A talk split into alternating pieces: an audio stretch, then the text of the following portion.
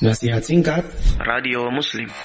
Bagaimana cara menangani anak yang gemar main HP? Dan anak selalu menangis jika tidak diberi HP Ustadz. Mohon penjelasannya. Iya, baik, ya.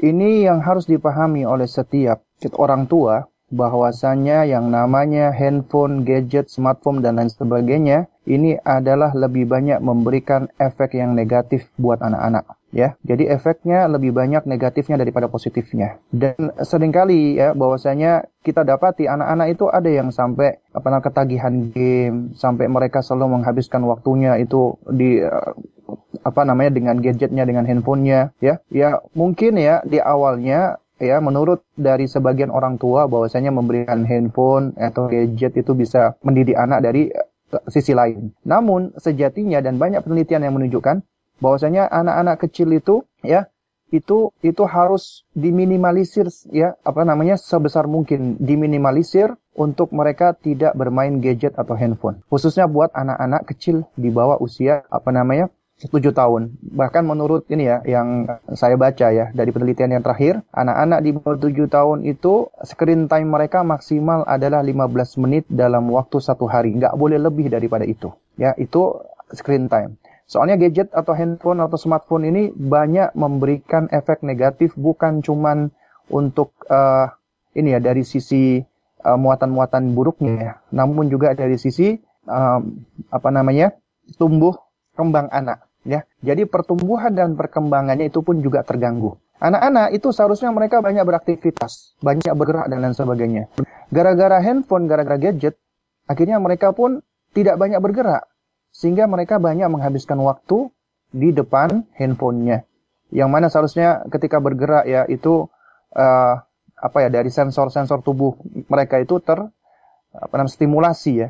Jadi uh, anak yang banyak bermain, banyak bergerak itu akan lebih baik di, dibandingkan dengan anak yang dia diberikan permainan-permainan tapi permainannya tidak bergerak.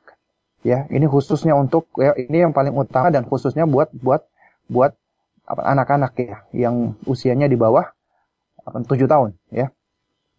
Lalu bagaimana Ustaz kita menangani anak yang gemar main HP? Orang tua harus punya ketegasan di dalam hal ini. Pertama, yakini dulu apa manfaatnya handphone buat anak tersebut. Kalau nggak ada manfaatnya, manfaatnya sedikit, maka orang tua harus ya harus punya prinsip di dalam hal ini. Jauhkan anak-anak itu dari hal-hal yang tidak begitu bermanfaat. Jadi jangan sampai ya orang tua juga melakukan inkonsistensi. Melarang anaknya main HP, tapi orang tua menghabiskan waktunya dengan HP, bermedia sosial misalnya. Ya, jadi memberikan contoh yang yang jelek juga. Ini adalah suatu hal yang tidak baik. Nah, oleh karena itu orang tua harus punya aturan yang uh, tegas, yang ketat. Ya, jadi dibuat aturan. Aturan ini dikomunikasikan dengan anak. Bikin persyaratan dan perjanjian dengan anak. Bisa, anak-anak kecil juga kita bisa membuat janjian dengan mereka. Nanti ya di dalam kaidah berikutnya itu ada kaidah yang namanya ini tuh apa namanya? Athawab wal ukubah ya. Kaidah apa namanya? Reward and punishment. Kita memberikan hadiah atau penghargaan dan juga memberikan hukuman jika anak-anak itu dia melakukan sesuatu ya. Nah, anak-anak yang dia itu gemar bermain HP, ibu-ibu atau bapak-bapak sekalian, ya, itu harus dibikin aturan.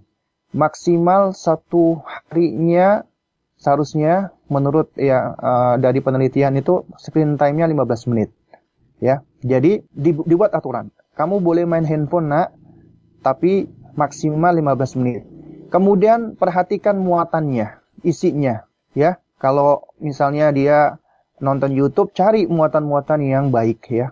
Sekarang banyak ya, ada apa namanya? Ada YouFit Kit, ada apa namanya apa namanya roja ini ya, roja apa ceria dan yang semisalnya. Cari muatan-muatan yang baik dan bermanfaat buat anak, ya. Dan disepakati anak-anak dia sudah sering terbiasa dengan handphone ya. Kalau misalnya langsung kita cut, kamu nggak boleh main handphone, ini juga akan kurang baik ya.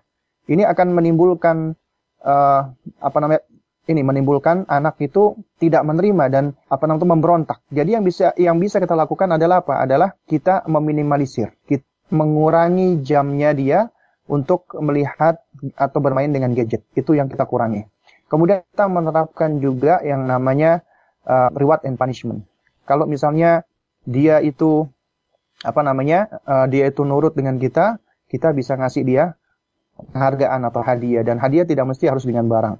Nah, misalnya dia melanggar ya, melanggar dia apa namanya uh, sudah dikasih tahu nggak boleh main handphone, dia masih terus-terusan main handphone, maka kita bisa memberikan dia hukuman. Di antara hukumannya apa? Orang tua boleh mengambil handphonenya. Orang tua boleh mengambil handphonenya dan dikasih tahu handphone ini akan dikembalikan jika kamu mau menuruti perjanjian yang sudah di yang sudah dibuat bersama. Terus kemudian bagaimana kalau anak nangis? Nggak apa-apa.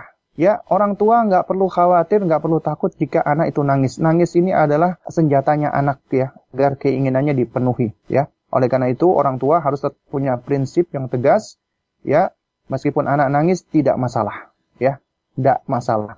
Lalu kemudian yang apa terakhir ya, yang terakhir adalah cari permainan-permainan lain yang lebih positif, yang lebih bermanfaat dan melibatkan orang tua. Hendaknya orang tua membersamai anak termasuk di dalam bermain ya. Dan bisa jadi anak-anak itu main handphone karena orang tuanya tidak membersamai si anak ya. Dikarenakan orang tua tidak pernah mau bermain sama anak akhirnya anak mencari aktivitas yang lainnya. Tapi masalahnya Ustaz kita sibuk dan sebagainya. Sesibuk-sibuknya orang tua harus dia berusaha mencari waktu untuk membersamai anak terutama di dalam bermain karena ini penting ya. Dan ini sangat sangat benar-benar ya. Apa namanya? Penting sekali yaitu kita bisa membersamai anak ya. Wallahu taala alam